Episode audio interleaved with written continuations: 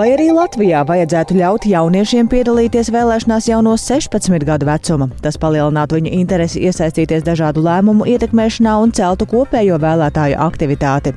Taču saimā ideja neustver ar entuziasmu. Plašāk par to jau tūdaļ raidījumā pēcpusdiena. Gaisa temperatūra un ūdens līmeņa svārstības arī šajā ziemā Jēkabpilī vēro ar pastiprinātu uzmanību. Pēc pērn tur piedzīvotajiem ziemas plūdiem aizsargvalnis vēl nav atjaunots, tikai vietām nostiprināts. Tieši speciāli nācām skatīties, kāda tā auga viņai ir. Salīdzinot ar pagājušo gadu, protams, viņa ir ļoti daudz mierīgāka. Bet vai viens no labākajiem latviešu hokeistiem Elvis Merzlikins varētu pārcelties uz citu komandu Nacionālajā hokeja līgā? Arī par to visu plašāk raidījumā pēcpusdiena kopā ar mani Dācis Pēkšēnu.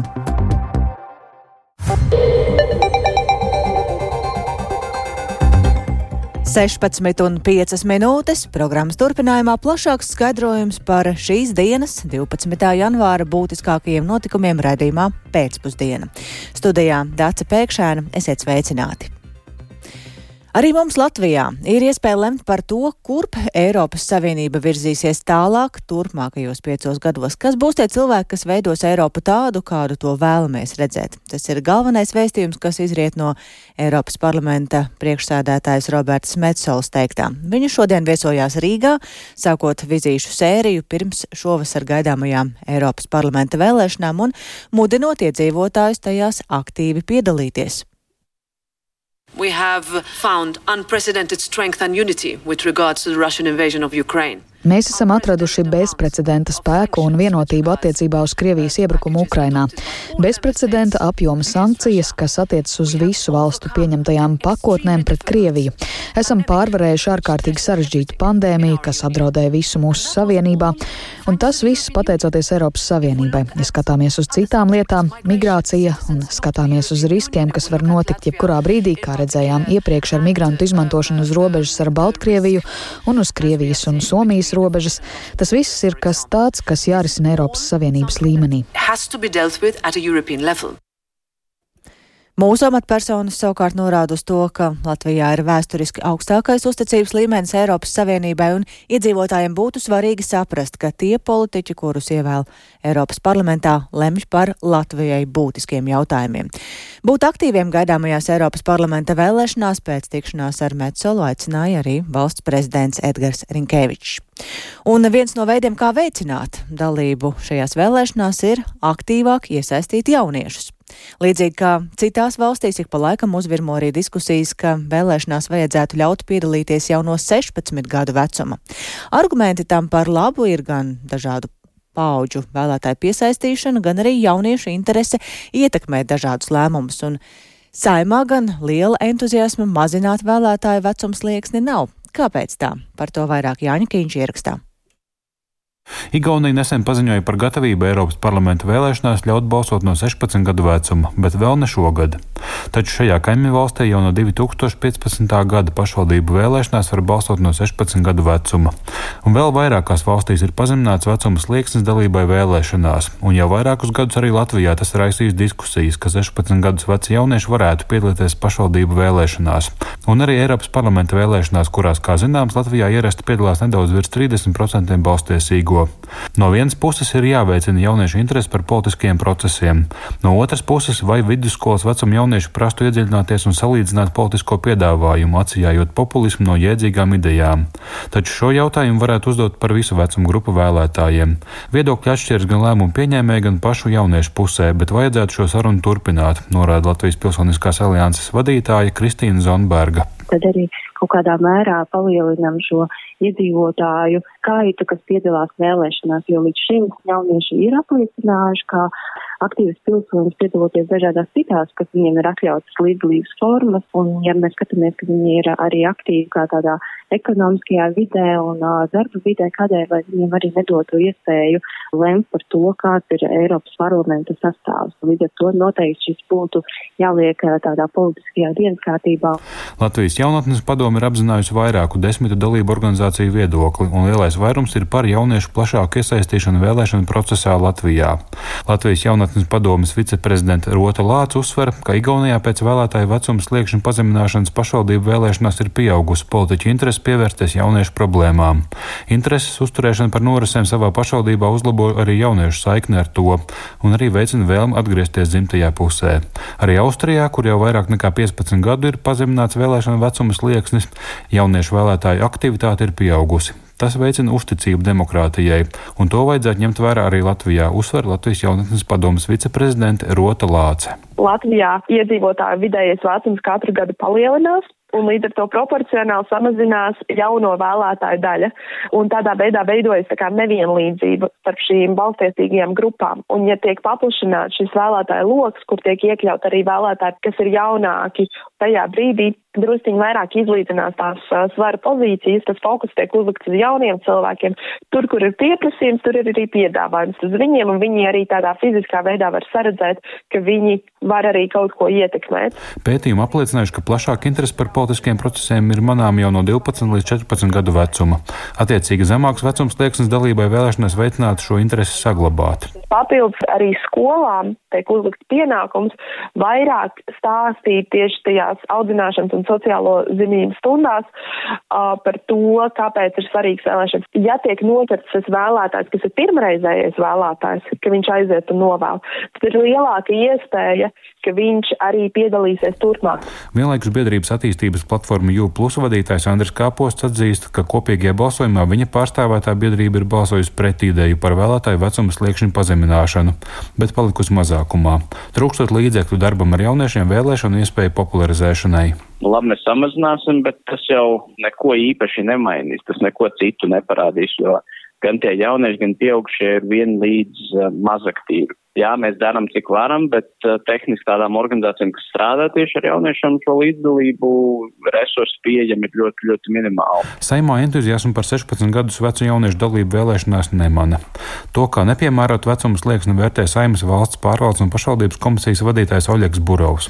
Viņš gan par šo jautājumu pauž personīgu viedokli. Nē, 16 gadu ir par agru. Kaut kur man arī tāds žēl, bet es skatos uz, uz tiem skolēniem, arī runājot ar skolēniem skolā. Nu, nu, nav tā, ka viņi šobrīd ir gatavi, man liekas, balsot un saprot, kur ir tie politiķi. Cits tāds ka mums vajadzētu pašiem, tiešām politiķiem, vairāk runāt ar viņu. Agrāk stingri pret vēlētāju vecuma sliekšņu samazināšanu iestājās jaunā vienotība.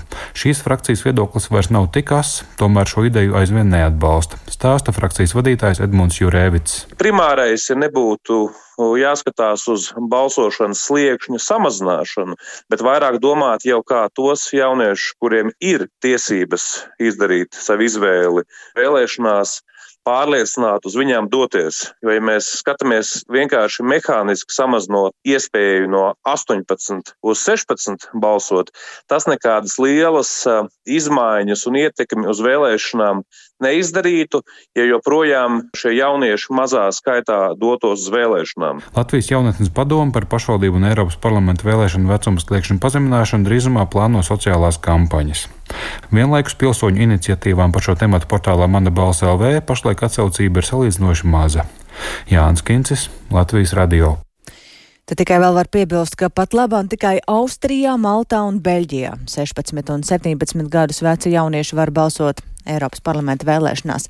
Nacionāla līmeņa vēlēšanās no 16 gadu vecuma var piedalīties Austrijā, bet no 17 gadu vecuma Grieķijā. Tā ir teikts oficiālajā Eiropas Savienības tīmekļa vietnē.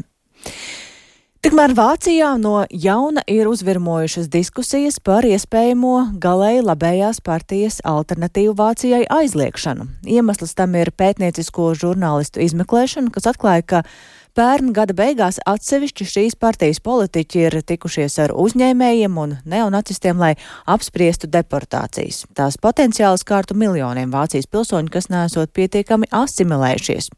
Un plašāk par to Tagad tiešraidē ir gatavs stāstīt mūsu Briseles korespondents Arčoms Konohaus.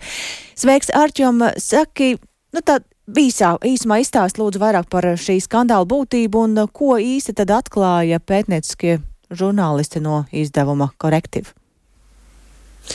Jā, tik tiešām žurnālisti no izdevuma Corrective ir atklājuši, ka novembra beigās, pagājušā gada novembra beigās, Potsdamā ir notikusi slepena tikšanās, kurā ir piedalījušies pēc viņu ziņām vairāki politiķi no partijas Alternatīva Vācijai, tāpat ir piedalījušies uzņēmēji un arī dažādi neonacisti. Un šajā sanāksmē tika gari un plaši, citas starpā apspriest arī iespēja par to, kā varētu nevis mazināt imigrāciju valstī, bet gan izsūtīt no Vācijas cilvēkus, kas viņuprāt nav pietiekami integrējušies vai asimilējušies. Runa ir par cilvēkiem, kas ir jau Vācijas pilsoņi, un arī, protams, par daudziem citiem, bet tostarp arī par cilvēkiem, kam kam jau ir Vācijas pilsonība, bet viņi neuzvedās varbūt pēc tādiem standartiem vai nedomā tā, kā uzskatīt par pieņemamu šīs partijas politiķi. Un tāpēc šiem cilvēkiem varētu vai nu tikt atņemta pilsonība, vai kā savādāk tas tiktu atrisināts, un miljoniem cilvēku līdz ar to tiktu deportēti uz kaut kādām citām valstīm. Plašākas detaļas īsti nav skaidrs, kā to varētu atrisināt, un ir arī, protams, saprotams, ka Vācijas pilsonība pilsoņu, viņiem tiksim, pilsonības atņemšana un viņu izraidīšana būtu ļoti tāds krass solis, jā, un arī pretrunā ar Vācijas konstitūciju lielā mērā, un tāpēc tas ir izraisījis ļoti, ļoti plašu reakciju, un arī uh, parādījās arī diskusijas par to, ka šādu varbūt partiju vajadzētu tomēr aizliegt, ja jau tajā izskan tādi viedokļi. Un tāpēc uh, šādu viedokli par to, ka partijas aizliegšanai nevajadzētu būt izslēgtai un to vajadzētu paturēt, sacīja arī Vācijas parlamenta deputāts no kristīgajiem demokrātiem Roderiks Kīzaveters un arī savukārt pētnieciskā izdevuma Corrective galvenais redaktors Justus Fondaniels saka, ka šis viss apliecina to, ko partijas alternatīva Vācijai politiķi domā patiesībā. Paklausīsimies! Hier zeigt sich, dass uh, selbst hochrangige AfD. Tas parāda, ka pat augsti stāvoši partijas alternatīva Vācijai politiķi aiz slēgtām durvīm izsaka radikālas labējās pozīcijas, ko publiski viņi nekad tieši neatzītu. Tas, protams, apliecina radikālismu šajā partijā. Tas zeigt eindeutig, dass die AfD entgegen aller Tas skaidri parāda, ka par spīti visiem ierinājumiem alternatīva Vācijai kļūst arvien radikālāka un tuvinās labējam ekstrēmismam. Mēs nedrīkstam izslēgt nekādus rīcības scenārijus līdz pat iespējamai partijas aizliegšanai. Un Vācijas kanclers Olafs Šauts ir sacījis uh, publiski, ka viņam, protams, ir pilnīgi nepieņemams tas, ka Vācijas pilsoņi varētu tikt šķiroti pēc tā, no kuras, uh, nu, kā, kāda viņiem ir izcelsme, kāda viņiem ir etniskā vai kultūras izcelsme. Dace? Bet eh, tad eh, kādēļ Vācijas valdība šobrīd tomēr nesteidzas ar partijas alternatīvu Vācijai aizliekšanu? Tāpēc, ka šis ir ļoti jūtīgs jautājums, un, kā sacīja Vācijas uh, tieslietu ministrs, uh, pirms pieņemt šādu lēmumu, vajadzētu būt pārliecībai, ka tas uh, tiešām arī izdosies. Un, jo, protams, šādu lēmumu var pārsūdzēt tiesā, un iepriekš tiesas ir ļoti piesardzīgi raudzījušās uz politisko partiju aizliekšanu. Tāpat arī Vācijai paredzētas vairākas reģionālās vēlēšanas, šogad arī Eiropas parlamenta vēlēšanas, un iespējams, ka vēršanās pret šo partiju un vēlākā tiesvedība varētu tikai palielināt tās popularitāti, pievērst tai pietiekami lielu uzmanību uzmanību un iespējams sniegtu vēl pretējo rezultātu tam, kāds tiek iecerēts ar šādu potenciālo slēgšanu. Tāpēc arī politiķi ļoti, ļoti piesardzīgi uz to raugās un pagaidām nav gatavi spērt šādu soli, jo baidās, jā, ka tas varētu nest pretējos rezultātus. Te vēl būtu jāpiebilst, ka Alternatīva Vācijai šobrīd ir viena no populārākajām partijām Vācijā. Viņi ir daudzās aptaujās ir guvuši ļoti lielu iedzīvotāju atzinību un un tas daudzus arī Vācijā satrauc no tradicionālo partiju pārstāvju vidus. Ļoti iespējams, ka šī partija varētu būt pirmā gan vairākās reģionālajās vēlēšanās, gan arī visnotaļ labus rezultātus sasniegt Eiropas parlamenta vēlēšanās. Tā kā šis arī, protams, rada satraukumu, bet noteikti, ka valdošās partijas nevēlētos redzēt, ka vēršanās pret alternatīvu Vācijai būtu kāds paņēmiens, ko viņi izmantot faktiski, lai ietekmētu ietekmētu vēlēšanu iznākumu, jo viņi baidās no konkurences. Arī šādu iespēju viņi noteikti nevēlas rādīt. Dacim. Paldies par eh, šo skaidrojumu Arķemam Konohovam. Tātad runājām par Vāciju, bet eh, ja par Ukrainu, tad nedrīkst pieļaut Krievijai karu Ukrainā pārvērst par iesaldētu konfliktu. Tas ir tas, ko Rīgā ir uzsvēris Ukrainas prezidents Valdimirs Zelenskis, atkārtojot, ka Ukrainas mērķis ir neatdot savus teritorijas, neļaut iet plašumā Krievijas narratīviem, kas tiek izplatīti plašsaziņas līdzekļos gan Eiropā, gan ASV, jo Krievija iegulda ievērojumus finanšu līdzekļus dezinformācijā. Zelenska vizīte Baltijas valstīs ir noslēgusies gan ar pateicību par līdzinējo atbalstu, gan arī vēlreiz un vēlreiz atgādinājumu, cik ļoti svarīga Ukrainai ir militārā palīdzība un īpaši pretgaisa aizsardzība. Baltijas valstīs Zelenskis ir saņēmis gan politisku, gan arī tīri praktisku atbalstu Taču vai varam jau šobrīd izdarīt kādus secinājumus par vizītes ietekmi uz nākotni un kāds ir tās praktiskais ieguvums? To šodien redzījumā pusdienas vaicāja Latvijas transatlantiskās organizācijas ģenerālsekretārai Sigitai Strubergai no praktiskā viedokļa ir pāragri vērtēt eh, šīs vizītes rezultātus. Jo es domāju, ka, protams, ka svarīgs ir šis militāra atbalsta aspekts, un mēs, protams, arī redzējām paziņojumus par to, kā tas izpaudīsies konkrēti piegāžu ziņā vai konkrēti sadarbības ražošanas ziņā, bet tai pašā laikā tas plašākais konteksts, ko mēs redzēsim ilgtermiņā, būs saistīts ar to, kā tad Baltijas valstis turpinās atbalstīt un cik veiksmīgi turpinās atbalstīt Ukrainu, mēģinot ietekmēt uh, dienas kārtību gan Eiropas Savienībā, gan NATO. Un, manuprāt, šī šīs ir tas nozīmīgākais. Un šeit patiesībā ir viena no tām, manuprāt, arī problēmām, jo viens ir lielās Ukrainas gaidas, un otrs ir tie rezultāti faktiskie, ko rietumi piedāvā. Un mēs joprojām redzam šo milzīgo kavēšanos ar piegādēm dažādu apsvērumu dēļ tad tās ir diskusijas par budžetiem, tad ir diskusijas par to, kādi ieroči, kā tiek piegādāti uz kādiem noteikumiem. Un te, protams, jā, Ukraina nesaņem visu to, ko sagaida un tādā tempā, kā sagaida. Tāpēc no vienas puses ir, protams, skaisti paziņojumi, svarīgi paziņojumi, bet no otras puses es baidos, ka tās Ukrainas gaidas joprojām nav piepildītas. Un to mēs arī dzirdējām prezidenta uzrunā. Un otrs, kas man darītu uzmanīgu, es teiktu, ir tas, ka arī mūsu gaidas par to, to, kā Ukraina veido savu dienas kārtību attiecībā uz iestāšanos Eiropas Savienībā, varētu netikt piebildītas tādā mērā, jo Ukraina šobrīd vairāk koncentrējās uz karu nekā uz reformām, bet te pašā laikā Eiropas Savienība tā ir ar specifiskām prasībām, mm. tā skaitā attiecībā uz iestāšanās procesu. Līdz ar to mm. no vienas puses ir šis simbolisms, bet no otras puses es domāju, ka ir bijušas smagas, sarežģītas sarunas, ko mēs aiz šī simboliskā tik daudz neredzējām, jo tas varbūt neizskatās neizskanēja tik daudz publiskās uzstāšanās laikā. Un arī tie sarunu tie termiņi, no vienas puses, jā, tas ir ļoti daudz šīs dienas pavadītās, bet ja mēs izrēķinām to laiku uz katru amatpersonu, viņš ir bijis ļoti īss. Un es nedomāju, ka tur uh, visu varēja piepildīt. Tāds lūk Latvijas transatlantiskās organizācijas ģenerālsekretāris Sigita Strūbergas vērtējums par Zelenska vizīti Latvijā, Baltijā.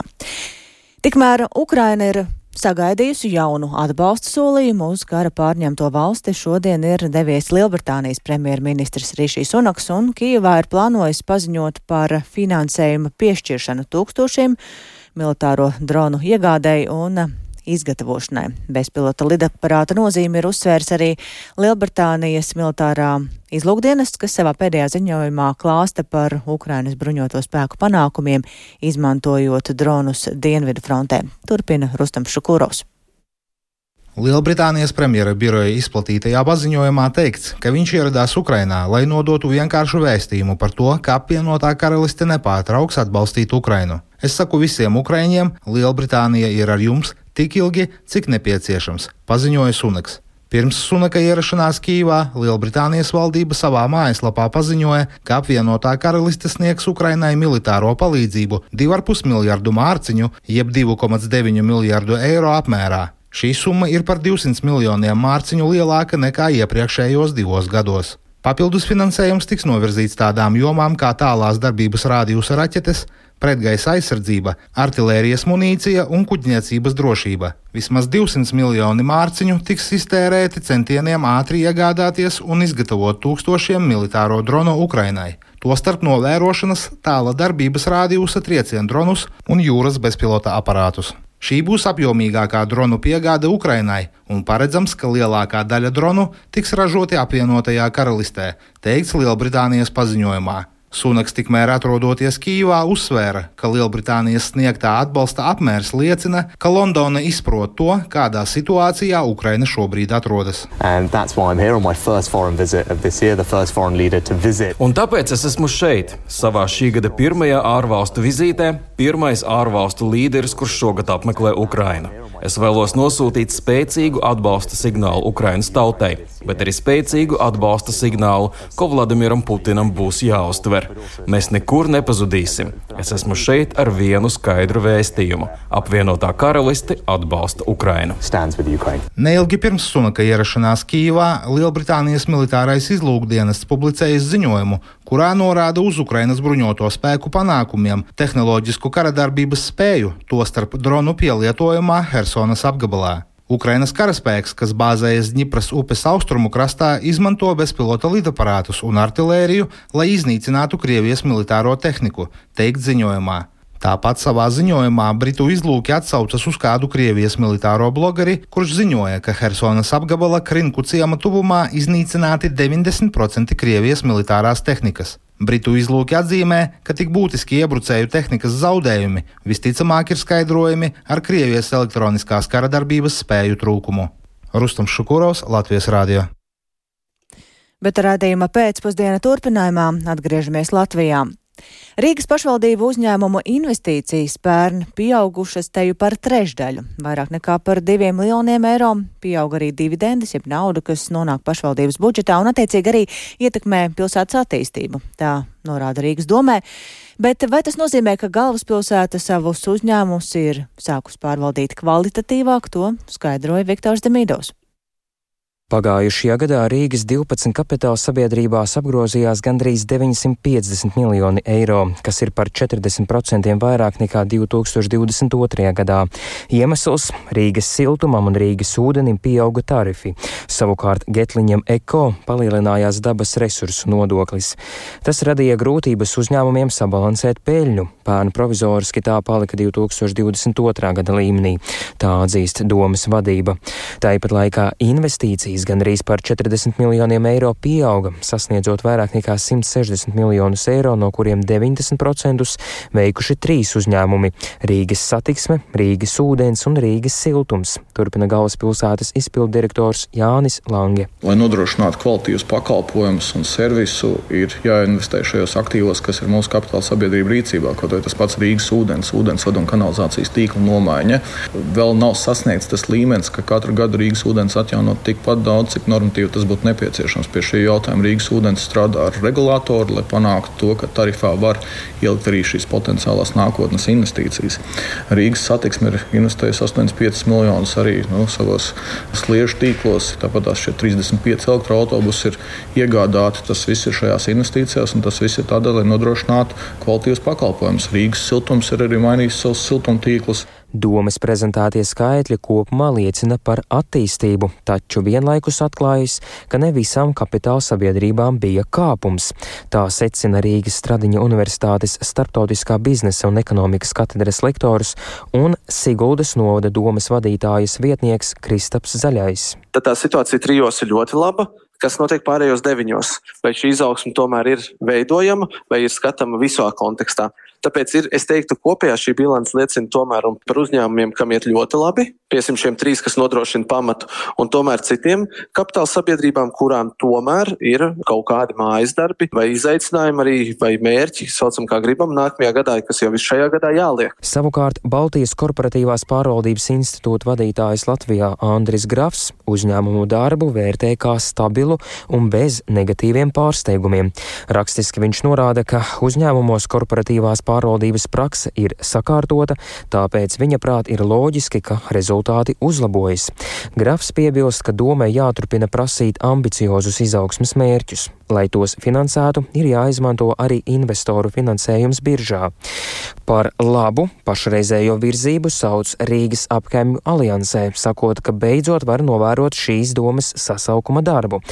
Taču vai rīdznieki sākuši dzīvot labāk? Organizācijas vadītājs Māris Jansons to nesaskata. Tas, ka komunālā servisa uzņēmuma, kas pārsvarā ir Rīgas kapitāla sabiedrības, iekasē vairāk naudas no iedzīvotājiem, tas vēl nenozīmē, ka iedzīvotāji sākuši dzīvot labāk Es gribētu redzēt, ka tā peļņa tiek novirzīta tieši no servisu uzlabošanai. Piemēram, labākais piemērs Rīgas nama pārvaldniekam ir peļņa. Tā pašā laikā Rīgā ir milzīga problēma ar māju renovācijas tempiem. Ja viņi novirzītu peļņu tagad, lai aktīvi ar to strādāt, es domāju, ka tas būtu pēc tam kāds pārdesmit mājas mazāk. Būtu izcelts, būtu tādas neatgriezeniskās spirāles, kad viņi lēnām sabrūk. Kā šī gada vienu no izaicinājumiem doma minējusi uzņēmumu virzību uz kapitāla tirgu. Ekonomists Zaļais vērtē, ka tas būtu brīvāks un pieejamāks tirgus, sakot, ka tāds solis Rīgas uzņēmumus var attīstīt. Viktors Demīdovs, Latvijas radio. Un no galvaspilsētas dodamies tālāk uz Jēkabili, kura šajās dienās aprita gads kopš plūdu kulminācijas, ko radīja lielā vižņu masa Daugavā, kas pamatīgi bija aizsprostojusi upi. Toreiz tika izsludināts sarkanais brīdinājums un iedzīvotāji no plūdu riska vietām evakuējās, un tā bija desmitiem gadu nepieredzēta situācija un arī lieli zaudējumi. Taču ūdens līmeņa svārstības Daugavā pie Jēkabpils arī šogad gan iedzīvotājiem, gan arī pašvaldībai rada spriedzi un neziņu. Kādas ir Jēkabpiliešu pārdomas par šī gada situāciju un kas ir darīts ar pērnā gada plūdu vājo posmu aizsargdambi? Par to plašāk Sintīs Ambotas ierakstā. Tieši speciāli nācām skatīties, kāda tā dauga viņai ir. Salīdzinot ar pagājušo gadu, protams, viņa ir ļoti daudz mierīgāka. Pagājušais gads gan bija drausmīgs. Jā. Daugavā pie Jēkabpils arī šogad izveidojies garš ledus vižņu sablīvējums, un pēdējās dienās nedaudz svārstījās ūdens līmenis, kas apludināja piebraucamos ceļus divām maisaimniecībām. Taču īslaicīgās temperatūras svārstības būtiski līmeni nav ietekmējušas, un situācija Daugavā pie Jēkabpils pat laban ir stabila. Vienlaikus pie aizsargdambja sastaptie jēkapilieši atzīst, ka pagājušā gada plūdu pieredze tomēr rada spriedzi arī šozien brīžiem raugoties uz ledus sablīvējumu upē. Sazemes ūdeņi ir cēlušies, kā ūdens līmenis ir ļoti cēlies. Tā māja ir tāda zemākā līmenī. Viss dārzs bija aplūdes apmēram metru augstumā. Bija šķūnī malka, visa pagrabs bija pilns un arī ēka nu, tā līdz ar pamatiem Šogad jau es arī sāku celt jau pagrabā visu uz augšu. Ja, nu bija arī mums jāevakuējas. Mēs nu, pavisam to neesam, bet bija jā. Tur ir kalniņš mājā, mums nenāca ūdens klāt, bet tūmā bija. Tad tam dambim ir jāpasargās, saprot šo vietu apdzīvoto, vai viņu stiprina šajā laikā, vai ir kaut kāda pārliecība. Es domāju, ka būs. Cik es esmu redzējis, tad tur diezgan nopietni šobrīd to dara. Jā. Pagājušo gadu, kad bija tie plūdi, mūsu māja bija tajā sarkanajā. Bet jums pagājušajā gadā arī ūdens bija iekšā, vai bijāt tikai sarkanajā riska zonā? Sarkanajā riska zonā, à. jā, jā, bet nu, tāpat bija bailes. Meitiņai saka, gulēsim labāk ar drēbēm, jo ja nu kas. Un jā, bija tā, ka tu ej pāri tiltam un ka visas mājas ir uh, ūdenī. Reāli asaras virs. Bet šogad jums ir tāda droša sajūta? Zin, kā, man liekas, jau cilvēki ir pieraduši pie tām stresa situācijām. Nu, kā būs, tā būs. Jo visi jau saprot, ka dambi taisa ziemā. Nu, kāda tur taisīšana var būt? Pērn janvārī Jēkabili aplūda aptuveni 450 privātu māju, 89 maisaimniecībām izmaksāti mājokļu pabalsts 137 tūkstoši eiro apmērā, un vēl 121 maisaimniecība saņēma krīzes atbalstu 86 tūkstoši eiro apmērā. Pašvaldība lēš, ka vēl 2,6 miljonu eiro zaudējumus radīja pērn plūdos izskalotie ceļi un ielas, bojātās kanalizācijas sistēmas un operatīvi aizsargdambju stiprināšanas darbi vietās, kur tajā bija radušās noplūdes. Šogad aizsargvalnis gan vēl nav atjaunots, tas tikai vietām nostiprināts. Septembrī uzsākts vērienīgs rekonstrukcijas projekts, kur kopējās izmaksas ir 16 miljoni eiro un aizsargdambju pārbūve jāpabeidz tikai 2025. gada beigās. Pašvaldības vadītājs Raivis Ragainis no Zaļās partijas gan norādīja, ka būve fiziski būs nostiprināta jau līdz nākamajai plūdu sezonai. Taču vai iesāktie darbi jau dod reālu pienesumu arī šī gada plūdu risku mazināšanā, komentē Ragainis. Visur ir ķērušies klāt, lai stiprinātu jau esošo un netiek šobrīd tikai pie tām daļām, kas ir zemūdens daļas, ja? nu, kas ir jārokas dziļāk vai vēl kaut ko iekšā. Šobrīd es varu teikt, ka tās vietas, kuras bija švamme, viņas ir stiprinātas, viņas ir daļēji pārbūvētas. Zināmās vietas. Bet es nevaru teikt par tām vietām, kuras eh, pagājušajā gadā varbūt neizmirka līdz galam, bet šogad var pēkšņi izmirkt. Ja? Un tāpat arī lietas, kur mēs esam sadarījuši, mēs ceram, ka tās ir tās sāpīgākās vietas, un viņš varētu izturēt, bet mēs jau nekad nevaram pateikt, cik ilgi ūdens stāvēs. Un tad riski tā tad saglabājas. Riski saglabājas jebkurā gadījumā. Mēs pagaidām elpojam dziļi. Mierīgi. Ūdens līmenis pacēlās apmēram par pusmetru pie šīm plusiem, bet viņš nav izkustinājis virskārtu. Kamēr nekustās masas, mūs nesatrauc. Vides geoloģijas un meteoroloģijas centra hidrologu apkopotā informācija liecina, ka Daugavā pie Jēkabpils ūdens līmenis pat laban ir aptuveni pusmetru zem dzeltenās brīdinājuma atzīmes, un tā netiks sasniegt arī tuvākajās dienās. Ceturtdien ledus iešana novērota citviet pie Daugavpils, kur palielinājās ūdens līmenis, bet pat labana ledus sega atkal nostiprinās, un arī pie Jēkabpils šajās brīvdienās neprognozē ledus segas sakustēšanos. Savukārt neliels ūdens līmeņa kāpums saglabāsies vēl tuvākajās dienās dienās, kas kritīsies iestājoties ilgstošam sala periodam. Sinti Ambote, Latvijas radio. Tātad gana daudz neskaidrību un netrūkst arī spriedzes šobrīd jēkapiliešiem, bet cita veida neziņu šobrīd arī hokeja fanu rindās. Latviešu hokejists Elvis Merzlikins Kolumbusas Blue Jackets sastāvā ir nonācis ne tajā vienkāršākajā situācijā. Vārdsargs nav spēlējis jau divas nedēļas, savukārt komandas galvenā trenera pēdējie izteikumi liek saraukt pieri un uzdot jautājumu, vai Mežlikina nākotne Kolumbusā ir apdraudēta un vai viņš varētu pārcelties uz citu klubu. Plašāk par šo tematu runāsim ar kolēģi Māri Bergus. Sveiks, Māri! Saka, ko tad ir teicis Kolumbusas kluba galvenais treneris un kas ir raisījis šādus jautājumus? Sveika, Dārcis, sveicināti klausītāji! Kā jau minēju, tad Merzlikins nav spēlējis divas nedēļas kopš 29. decembra, bet viņš ir pieejams. Tātad tas nozīmē, ka spēlēt neliec traumu vai citas problēmas. Jautājums liek uzdot Kolumbusas Blūdžekas trenera Paskāla Vincenta teiktais pēc vakardienas treniņa, bet ko tad viņš teica? Klausāmies turpinājumā. Mēs vēlamies novērtēt ar Asavu. Viņš nav spēlējis. Zinu, ka par Elvi ir jautājumi, bet ar Asavs nebija ilgi spēlējis un gribam redzēt, ko viņš var izdarīt. Gribam izvērtēt viņa sniegumu, jo ticam, ka viņam ir potenciāls būt par pirmo vārdsargu, bet tas ir tas, ko mēs domājam. Viņam tas ir jāpierāda un tagad to pārbaudām. Ja mēs šo visu lasām starp rindiņām, tas pirmkārt nozīmē, ka Kolumbusa jau sezonas vidū būtībā izkar balto karogu un noraksta sezonu. Ja viņi cīnītos par vietu Stanley kausa izcīņā, tad nekādas vārdsargu gatavības pārbaudas vai citi eksperimenti sastāvā nenotiktu. Otrakārt, komandas ar stabiliem pirmajiem numuriem vienmēr paļaujas uz šiem vārdsargiem un viņi spēlē tiešām daudz. Šādi komentāri, ka treneri grib paskatīties kādu citu kā pirmo numuru, tas liecina, ka Kolumbusā nav tādas absolūtas un simtprocentīgas pārliecības par Elvi kā stabilu pamatvārdsargu, lai gan viņš šo sezonu patiesībā spēlē pietiekami labi un viņš nebūtu nav vainīgs kluba neveiksmēs. Ja vēl ņemam vērā izskanējušās runas, ka Elvis varētu tikt aizmainīts uz citu komandu, tad šis jau izskatās pēc tādiem centieniem taustīties un paskatīties, kāda tad varētu būt dzīve Kolumbusā bez Elvija kaut kad nākotnē. Dace? Jā, nu mēs dzirdējām, ko treneris teica, ko citi ir teikuši. Pats Elvis arī kaut ko kaut kādā veidā šo ir komentējis. Jā, kā raksta vietējie apskatnieki, kas um, strādā uz vietas Kolumbusā, tad Elvis vakar pēc treniņa atteicies runāt ar medijiem, bet varbūt atnāks parunāties šodien vai rīt pēc treniņa. Uh, treneris nenoliedz, ka Elvis ir neapmierināts ar pašreizējo situāciju, bet tas, protams, ir pašsaprotami, ka viņš, kā jebkurš hokejists, vēlas spēlēt. Dāce? Bet ir kādas komandas, kas viņu varētu gribēt dabūt pie sevis? Jā, nu par iespējamo Elvija aizmainīšanu uz citu komandu būtībā runā jau visu šo sezonu. Visbiežāk tiek piesauktas Edmontonas Oilers, Karolīnas Hurricanes komandas, divas no potenciāli spēcīgākajām NHL komandām. Tāpat pavīd arī Monreāls Canadiens nosaukums, bet kopumā tās visas ir tikai spekulācijas. Komandu vajadzības arī ir mainīgs lielums. Nu, piemēram, Edmontonas Oilers vārdsargiem sezonas sākums bija tiešām briesmīgs un viņiem akūti bija vajadzīga palīdzība, bet tagad situācija tur ir stabilizējusies un vārdsargu jautājums Edmontonā nu, diez vai ir pirmais dienas kārtībā.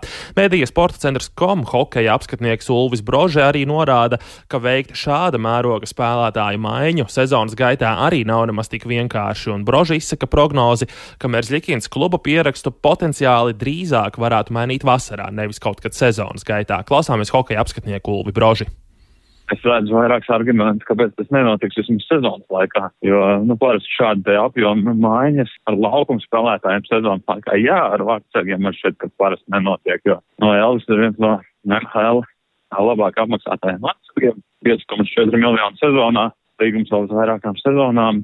tas nav maz. Vārdsargam jāsniegums viņam šajā sezonā ir labs, bet uh, neaizmirsīsim pagājušo sezonu. Un, un tad ir jautājums, cik daudz radošās komandas būs gatavas uh, riskēt savā ziņā. Taisnība nosaukt, jā. Tas ir uh, risks uz vairākiem gadiem paņemt spēlētāju, kurš pelna savai pozīcijai ļoti daudz, kurš nu, pēdējos gados ir spēlējis kā pa kalnam. Kas attiecas uz NHL spēlētāju maiņām, tad pēdējais termiņš šogad ir 8. marts, pēc tam spēlētāji varēs pārcelties citur tikai jūnija beigās, jau pēc sezonas. Bet šobrīd būtībā atliek vērot, kāds būs Merzlikina spēles laiks turpmākā aptuveni mēneša laikā un kāda kopumā būs kustība NHL spēlētāju tirgu. Vadošajiem klubiem neizbēgami šobrīd meklējot pastiprinājumus pirms pavasara, pirms Stanleya kausa izcīņas. Katrs darījums NHL, lai cik tas nebūtisks sākotnēji varētu šķist, beigu beigās var ieviest lielākas korekcijas, komandām nereti izbrīvējot vietu kādiem lielākiem manevriem. Tāpēc uh, spēlētāju tirgus ir tiešām interesanta NHL nianse, kam ir vērts sakot līdzi. Tāds ir. Paldies Mārim Bergam! Noteikti sekosim līdzi notikuma attīstībai, izmaiņām, bet šobrīd gan pievēršamies svētkiem.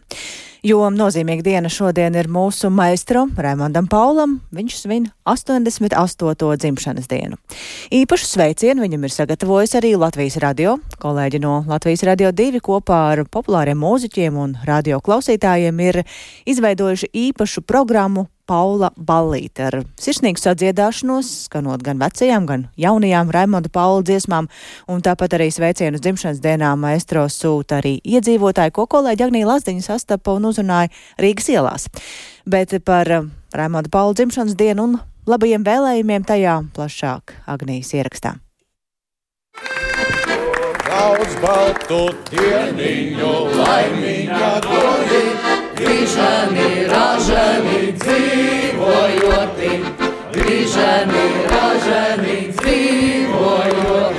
Tādas gavilas un lustīga dziedāšana dzirdama Latvijas radio divi īpaši veidotajā raidījumā Paula Ballīta, kur dažādi mūziķi un radio klausītāji sveic Raimondu Paulu 88 gadu jubilejā, bet par mēstro dzimšanas dienu priecājas ne tikai Ballītē, arī visi Latvijas radio uzrunātie cilvēki Rīgas ielās ir ļoti atsaucīgi un ar smaidu sejās gatavi dalīties savās pārdomās. Ko jums nozīmē Raimonds Pauls? Tas ir vesels laikmets latviešu mūzikā. Tā ir spēja izteikt tautas dvēseli, mentalitāti. Milzīgs talants, dievdots. Nu, Raimons Pauls manā dzīvē nozīmē asociēšanos ar latvietību kopš maziem gadiem. Bija tāda sajūta, tā kā es esmu jau pietiekami vecs cilvēks, kas ir savu bērnību, jaunību piedzīvojis padomu laikā bija tāda sajūta, nu, tā kā tā latvietība tā izplēna. Un tad bija divi pīlāri, Raimons Pauls un Imants Kalniņš, kur mūziku pieturēja pie latviedzības un latviskās kultūras. Visu savu dzīvi pavadīju pie Raimona Paula mūzikas, vēl joprojām ļoti skaista. Tāda, kad eh, patīk, eh, man liekas, visām vecuma grupām. Arī bērniem ļoti patīk eh, dzagazīts repertuārs, līdz ar to mēs klausāmies no maza līdz vecam. Man ļoti patīk Raimons Pauls. Man ļoti patīk Raimons Pauls dziesmu popūrīs. Esmu fans viņam, tāpēc, lai arī esmu jaunās paudzes cilvēks, man tomēr vairāk patīk tā laika mūzika. No, maestro! labāk. Nu, tas ir Latvijas zīme. Ko jūs viņam šodien novēlētu dzimšanas dienā? Vai turpina tāpat kā līdz šim un taisa koncertus? Veselību! prieku, lai viņš izjūtu to visu mūsu atbalstu un mīlestību, kas staro no mums uz viņu. Veselību. Ja būs veselība, tad viss kā pietiks. Ilgu mūžu un labu veselību. Novēlētu viņam saglabāt to gara spēku, izturību un skaidrību, kāds viņam ir, lai Dievs dod viņam veselību, arī jaunus panākumus dziesmās. Turpināt darīt to, ko viņš ir darījis visu savu mūžu, jo tik daudz cilvēkiem tas joprojām ir vajadzīgs. Laba mūzika palīdz visās dzīves situācijās, it īpaši Raimonda Paula mūzika. Vai jums ir kāda viņa mīļākā dziesma? Baltā saule. Vai jūs varat padziedāt vai noslēgt? Nē, nē, nē, es taču neiešu vilcānei, tad konkurence tā cīsta. Konkrēti nē, bet man parasti patīk vienkārši uzlikt vairumā playlistu, kur ir pilns ar viņa dziesmām un klausīties uz riņķi. Man ir ļoti daudz, man ļoti patīk, ka Pauli dziesmām arī brīnišķīgi vārdi. Ļoti daudz. Ko sāksim no tā balta saules spīd visapkārt jūra, jūra viena, balta laiva slīd un laivā mēs ar tevi viena. Balta saules spīd. Sejā jūras mūžums spīd, to sauli kopā ar citām vecām un jaunām, bet visiem mīļām maestro dziesmām dzied arī Paula Ballītē, kur starp sadziedāšanās reizēm dalībnieki atbild uz dažādiem jautājumiem par jubilāru, savukārt goda vietā pie flīģeļa dzirdams arī pats maestro Raimons Pauls.